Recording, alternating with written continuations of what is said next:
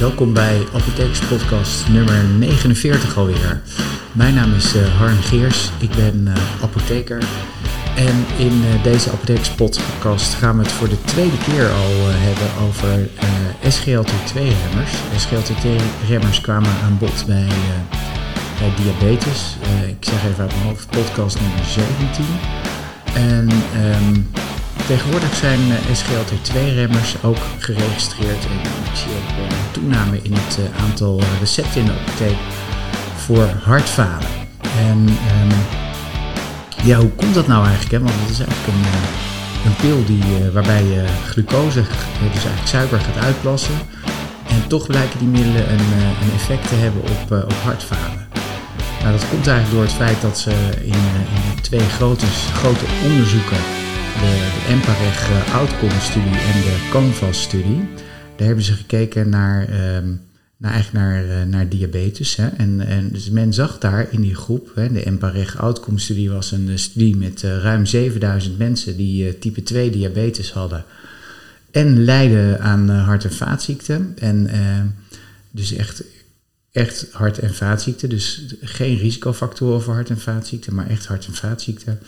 En daar zag men een, uh, een, um, een risicoreductie in, uh, in het, de, de opname in het ziekenhuis voor hartfalen.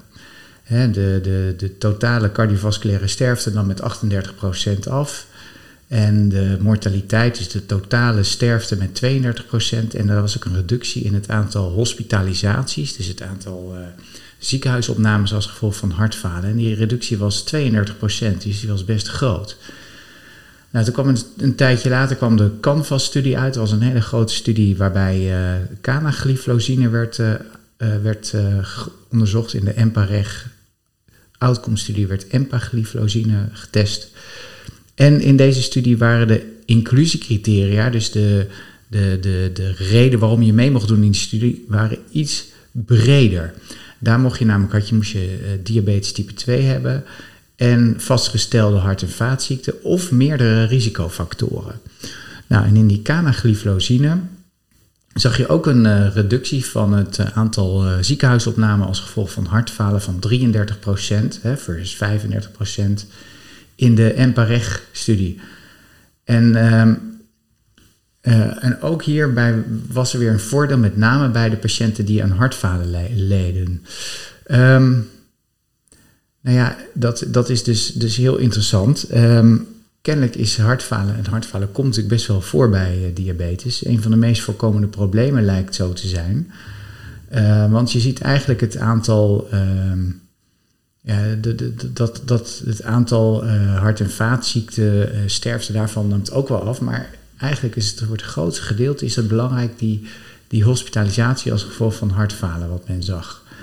En men zag dat zelfs in die Canvas-studie bij de uh, primaire preventie, dus dat betekent mensen die, uh, die hart- en vaatziekten risicofactoren hadden, maar geen hart- en vaatziekten hadden, dus geen, bijvoorbeeld geen hartinfarct gehad, geen, geen herseninfarct gehad, zag je eigenlijk bij de primaire preventie een risicoreductie van 64% in, uh, in het aantal ziekenhuisopnames door hartfalen. Sorry, niet een risicoreductie. Je zag dat de risicoreductie was 0, of het risico was 0,64. Ik maak een fout. En dan is dat, betekent dat een risicoreductie van 36%. En bij secundaire preventie, dus mensen die al een hartinfarct gehad hadden, was dat 32%. Oftewel het risico was 0,68. Dus eigenlijk lijkt het zo dat die effecten op, hart, uh, op uh, hospitalisatie door hartfalen onafhankelijk te zijn van andere risicofactoren dus het, uh, de mate van dalen van het HbA1c, van de bloeddruk, van het cholesterol. Uh, het feit of iemand uh, wel of niet een chronische nierziekte heeft. Het feit of iemand wel die type 2 diabetes heeft, bleek eigenlijk relatief weinig uit te maken in die hospitalisatie als gevolg van, van hartfalen. Dus die SGLT-effecten lijken vergelijkbaar in mensen met en zonder risico's. En sinds kort uh, zijn ook die SGLT2-remmers ook geregistreerd bij hartfalen. En tot nu toe zijn ze alleen maar geregistreerd voor mensen met een, een verminderde ejectiefractie. Dat betekent dat ze dus hè, normaal gesproken is, is die bij een verminderde ejectiefractie betekent dat je, dat je 40% van dat die onder de 40% is, je ejectiefractie. Dus dat is het gedeelte van wat de hartspier uh, aan bloed rondpompt. Hè, dat is maar 40% van, van het volume wat in, de, in, de, zeg maar in het hart zit. En er is ook bewijs voor, het, voor, voor SGLT2-remmers, dat is alleen nog voor empagliflozine be, bewezen, voor mensen met een, een preserved ejection fraction, oftewel HEF-PEF, die andere is HEF-REF. En HEF-PEF, daar is weinig farmacotherapie voor tot nu toe. Uh, maar er zijn in ieder geval twee grote studies gedaan bij uh, mensen met HFRF. Dat betekent dat dat ook de reden is dat het middel geregistreerd is in, in Nederland voor hartfalen. En dat, zijn, dat geldt eigenlijk voor twee middelen, dapagliflozine en empagliflozine.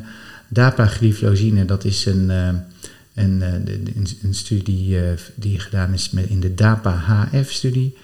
En, en voor empagliflozine betekent dat in de Emperor Reduced Ehm, eh, studie. En inmiddels zijn er ook resultaten van de Emperor Preserved studie. En ehm, dat betekent dus dat er ook therapieën zijn voor, de, um, voor mensen met HPEF. Nou, wat blijkt nou? men heeft die, die DAPA, HF en die Emperor Reduced heeft men op een hoop gegooid. Daar heeft men een meta-analyse van gemaakt. Die is in 2020 gepubliceerd van ruim 17.000 patiënten. En daarbij hebben ze gekeken naar het uh, risico. Als je gaat, die hele groep bij elkaar gaat gooien en je houdt daar een soort algoritme, uh, uh, maak, maak je, laat je daarop los. Dan krijg je een, dan kan je het risico berekenen voor die twee studies gecombineerd. En dat is heel erg belangrijk, want dat is een van de belangrijkste bewijsmaterialen die we hebben tegenwoordig, de meta-analyse. En daarin is gekeken naar ziekenhuizenopname of cardiovasculaire sterfte.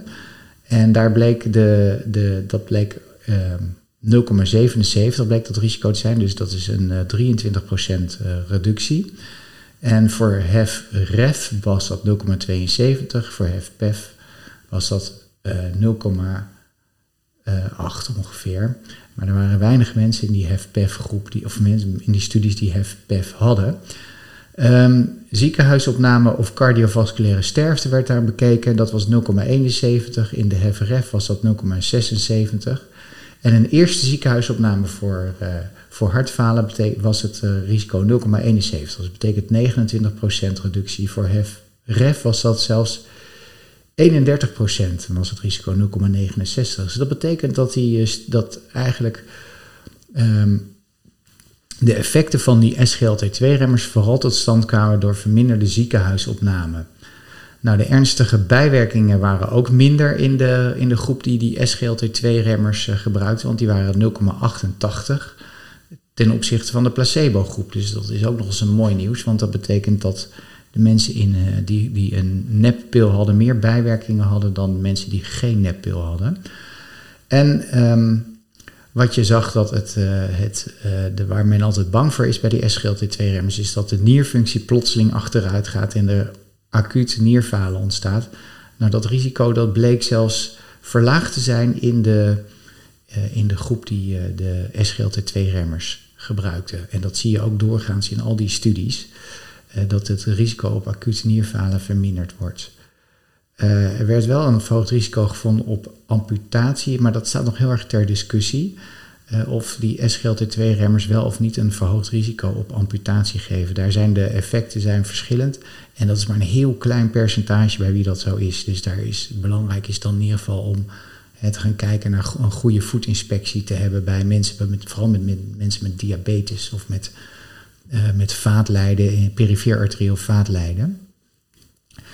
Nou, uh, even kort terug op de Emperor Preserved. Dat, dat ging om mensen met HFpEF. Het waren bijna 6000 mensen die een injectiefractie hadden van boven de 40% en hartfalen uh, volgens New York Heart Association klasse 2. Um, ehm, die mensen kregen empagliflozine versus placebo. Gedurende 16, 26 maanden was de mediane follow-up. Ehm, en um, daar werd gekeken naar cardiovasculaire sterfte, uh, ziekenhuisopname als gevolg van hartfalen, dat was eigenlijk het primaire eindpunt. En je zag daar een, uh, een, een, een, risico van 0,79, dus dat is kleiner dan 1. Dus dat betekent ongeveer 21% risico. Maar die risicoreductie zat hem vooral in ziekenhuisopname als gevolg van hartfalen. 29% reductie in risico.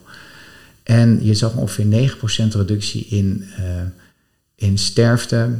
Uh, maar dat was niet significant. In, in, in, dat ging dan om de totale sterfte. Dus niet de sterfte als gevolg van hart- en vaatziekten.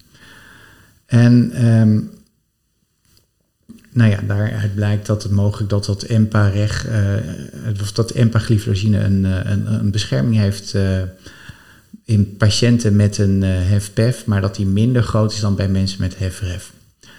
Um, en dat brengt ons ook op eigenlijk, ja, wat is dan het mechanisme eigenlijk achter deze groep middelen?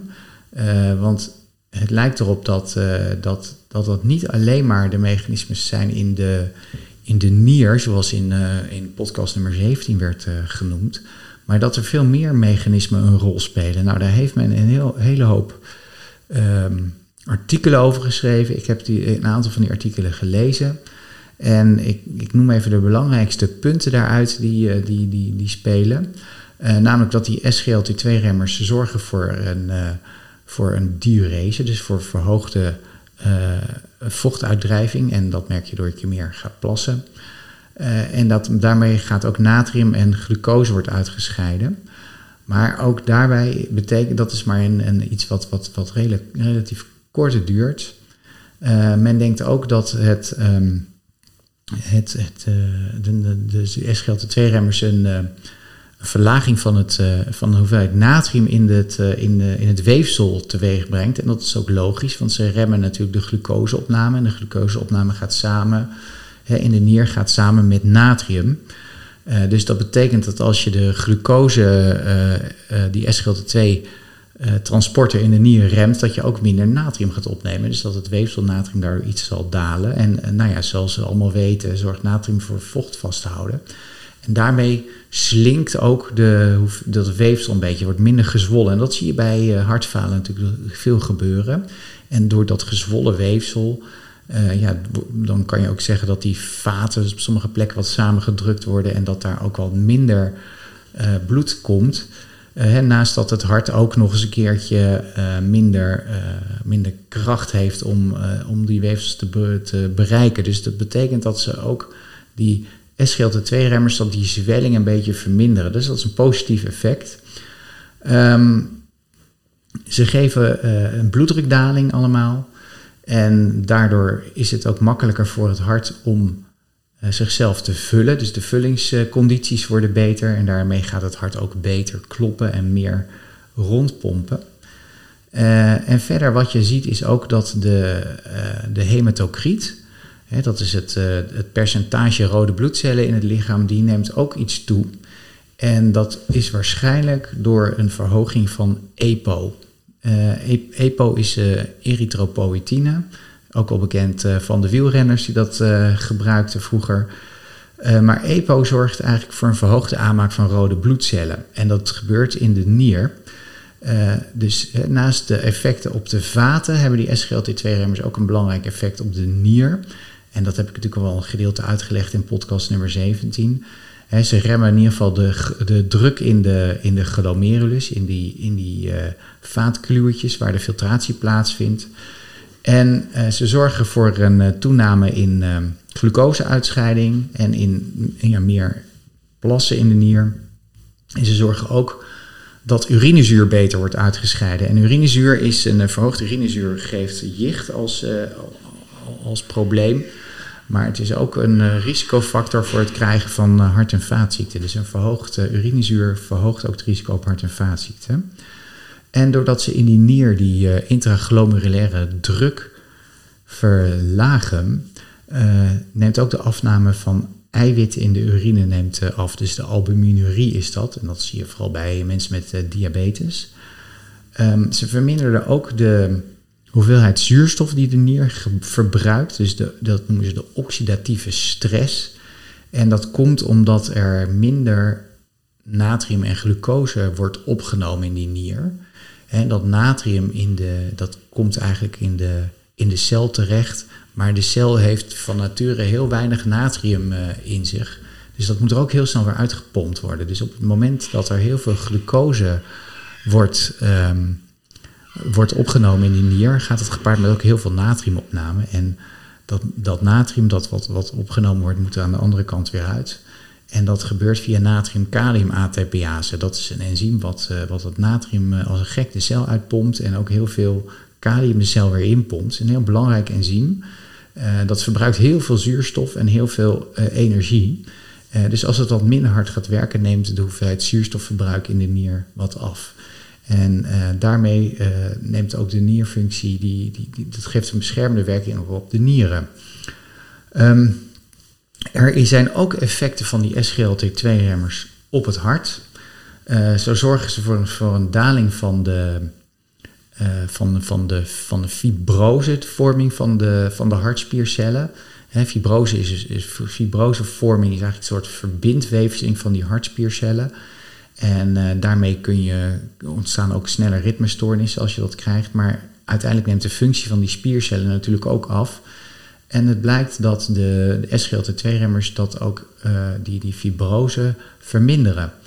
En, uh, en daarmee ook eigenlijk soms zelfs omkeren. En daarmee zorgen dat het hart beter gaat werken. Het zorgt ook voor een eh, verbeterde, mogelijk verbeterde energievoorziening van de hartspiercellen. Doordat er minder glucose wordt um, wordt opgenomen in de nier. Hè, dus meer glucose wordt uitgescheiden, daalt de glucosehoeveelheid in het bloed. De concentratie in het bloed neemt af. En doordat die concentratie afneemt, um, ja, eigenlijk wordt glucose minder, minder als energiebron gebruikt door het lichaam. Uh, komt er ook. Uh, uh, zorgt, en, en, en het lichaam gaat daardoor meer vet verbranden. En door die vetverbranding ontstaan ketonlichamen. En uh, ketonlichamen kunnen heel makkelijk door, uh, door de celwand heen gaan. En die, die zijn een hele goede brandstof, hè, een efficiënte brandstof voor die hartspiercellen. Dus dat is een, uh, een, een positief effect. En um, verder zorgen die, uh, die SGLT2-remmers voor een vermindering van het vet op het hart, het, het, zogenaamde epicardiale vet. En dat doen ze waarschijnlijk doordat er meer ketonlichamen worden gevormd, hè, er meer vetafbraak is en minder gebruik wordt gemaakt van glucose. En verder lijkt het zo dat, uh, en dat is een heel interessant mechanisme waarvan men denkt dat het uh, een belangrijke rol speelt. Het remt in het hart de natrium-waterstof exchanger. Want het gekke is, in het hart heb je helemaal geen SGLT2. Maar dat SGLT2 dat doet kennelijk ook iets op het natrium-waterstof uh, exchanger of uitwisselaar. En wat doet de natrium-waterstof exchanger in het hart? Die zorgt eigenlijk dat er, een, uh, dat er natrium de cel ingaat en, en, en, en zuur, en eigenlijk waterstof, uh, dat, is, dat is zuur, hè, en zorgt dat het waterstof de cel uitgaat. Dus met andere woorden, er komt in de cel van de, van de hartspiercel, of in de hartspiercel meer natrium als die waterstof, natrium-waterstof exchanger. Um, harder werkt. En dat is het geval in diabetes. En doordat er dan meer natrium in de cel komt, komt er ook meer calcium in de cel. Want die cel gaat, daardoor gaat die uh, van, hè, doordat er een positieve lading in de cel komt, gaat die, gaat die cel, gaat zeg maar, normaal gesproken is die negatief van binnen en positief van buiten. Die wordt dan wat positiever van binnen. En als er dan een bepaalde drempelwaarde bereikt wordt, dan gaat die cel gaat massaal natrium binnenlaten. En ook en dat duurt heel kort, maar dan, dan wordt die celwand wordt van de binnenkant positief. En dan krijg je ook calciuminstroom. En calcium is heel belangrijk voor de spiersamentrekking. Maar als er te veel calcium in de cel zit, dan uh, raken die spieren wat, nou ja, zullen we maar zeggen, overprikkeld en, en, en geïrriteerd en, en, en worden overbelast. En dat is natuurlijk niet goed in hartfalen. Dus door het, doordat die natrium-waterstof exchanger is, is, uh, actiever is in hartfalen, krijg je ook meer calcium intracellulair. En als er intracellulair, dus binnen de cel, meer calcium zit, dan kunnen ook het calcium, wat, wat belangrijk is voor de energiefabrieken van de cel, dat zijn de mitochondriën, daar is ook calcium nodig. Als dat in de cel blijft zitten en niet in die mitochondriën wordt opgenomen, dan krijg je ook in de mitochondriën een te laag uh, calciumhoeveelheid. En doordat die calciumhoeveelheid te laag wordt in de mitochondriën, um, kunnen die mitochondriën minder goed werken. En, uh, en ontstaat er ook een, een, probleem met de energiehuishouding. Dat is een, een mechanisme wat, wat verder wordt uitgezocht, maar wat, wat wel zo blijkt. En um, in, um, in mensen met hartfalen blijkt ook dat in de nier, er zit er nog een waterstof, een natriumwaterstof exchanger, namelijk de natriumwaterstof exchanger 3. En die is ook bij hartfalen zeg maar actiever. En dat betekent dat je in hartfalen ook dus daardoor meer natriumresorptie krijgt, want die, die wisselt natrium uit voor zuur, zodat zuur dat je het zuur kwijt bent. Dus dat betekent uh, dat uh, als die geremd wordt, ook nog door een, uh, door een SGLT2-remmer, want die zitten vaak naast SGLT2 in de nier, die natriumwaterstof exchanger 3, dus de NHE3, die worden daardoor ook geremd. Dus dat is een belangrijk mechanisme. Verder hebben de, uh, die SGLT2-remmers ook allerlei effecten op de stofwisseling. Dat noemen ze metabole effecten. Uh, ze geven gewichtsafname, wat natuurlijk heel logisch is, want je plast suiker uit. Dus je kan die suiker niet gebruiken als calorieën. Dus je, je plast daarmee een hele hoop calorieën per dag uit, ongeveer 400. Dus je valt er iets van af. Um, dan is het ook heel logisch dat de hoeveelheid uh, vetweefsel afneemt. Want je gaat, doordat je minder glucose in je bloed hebt, meer vet verbranden. De gevoeligheid voor insuline neemt toe. En uh, je krijgt een, um, een, verhoogde opname van vrije vetzuren in de spieren. Want de spieren gaan ook die vrije vetzuren als ketonlichaam vaak um, gebruiken als, als ehm, bron van energie. Dus de urinezuurspiegel daalde, dat had ik al gezegd, doordat er in de nier meer urinezuur wordt uitgescheiden. En doordat je minder vet krijgt, krijg je ook minder last van leververvetting en beschadiging van de lever. Um, nou, en verder had ik al verteld dat, de, dat die, die EPO een belangrijke rol speelt. Dus dat daarmee ook de, het HB en de, en de hoeveelheid rode bloedcellen in de, in de in het lichaam stijgen. En daarmee komen we eigenlijk, uh, komen we eigenlijk tot de conclusie dat die SGLT2-remmers een, een, nieuwe therapie zijn in, in, de, in hartfalen. En het hele werkingsmechanisme nog niet heel duidelijk is opgehelderd, maar dat er een aantal aangrijpingspunten zijn. En die aangrijpingspunten zijn op de nier, op het hart en op het metabolisme, op de stofwisseling van ons.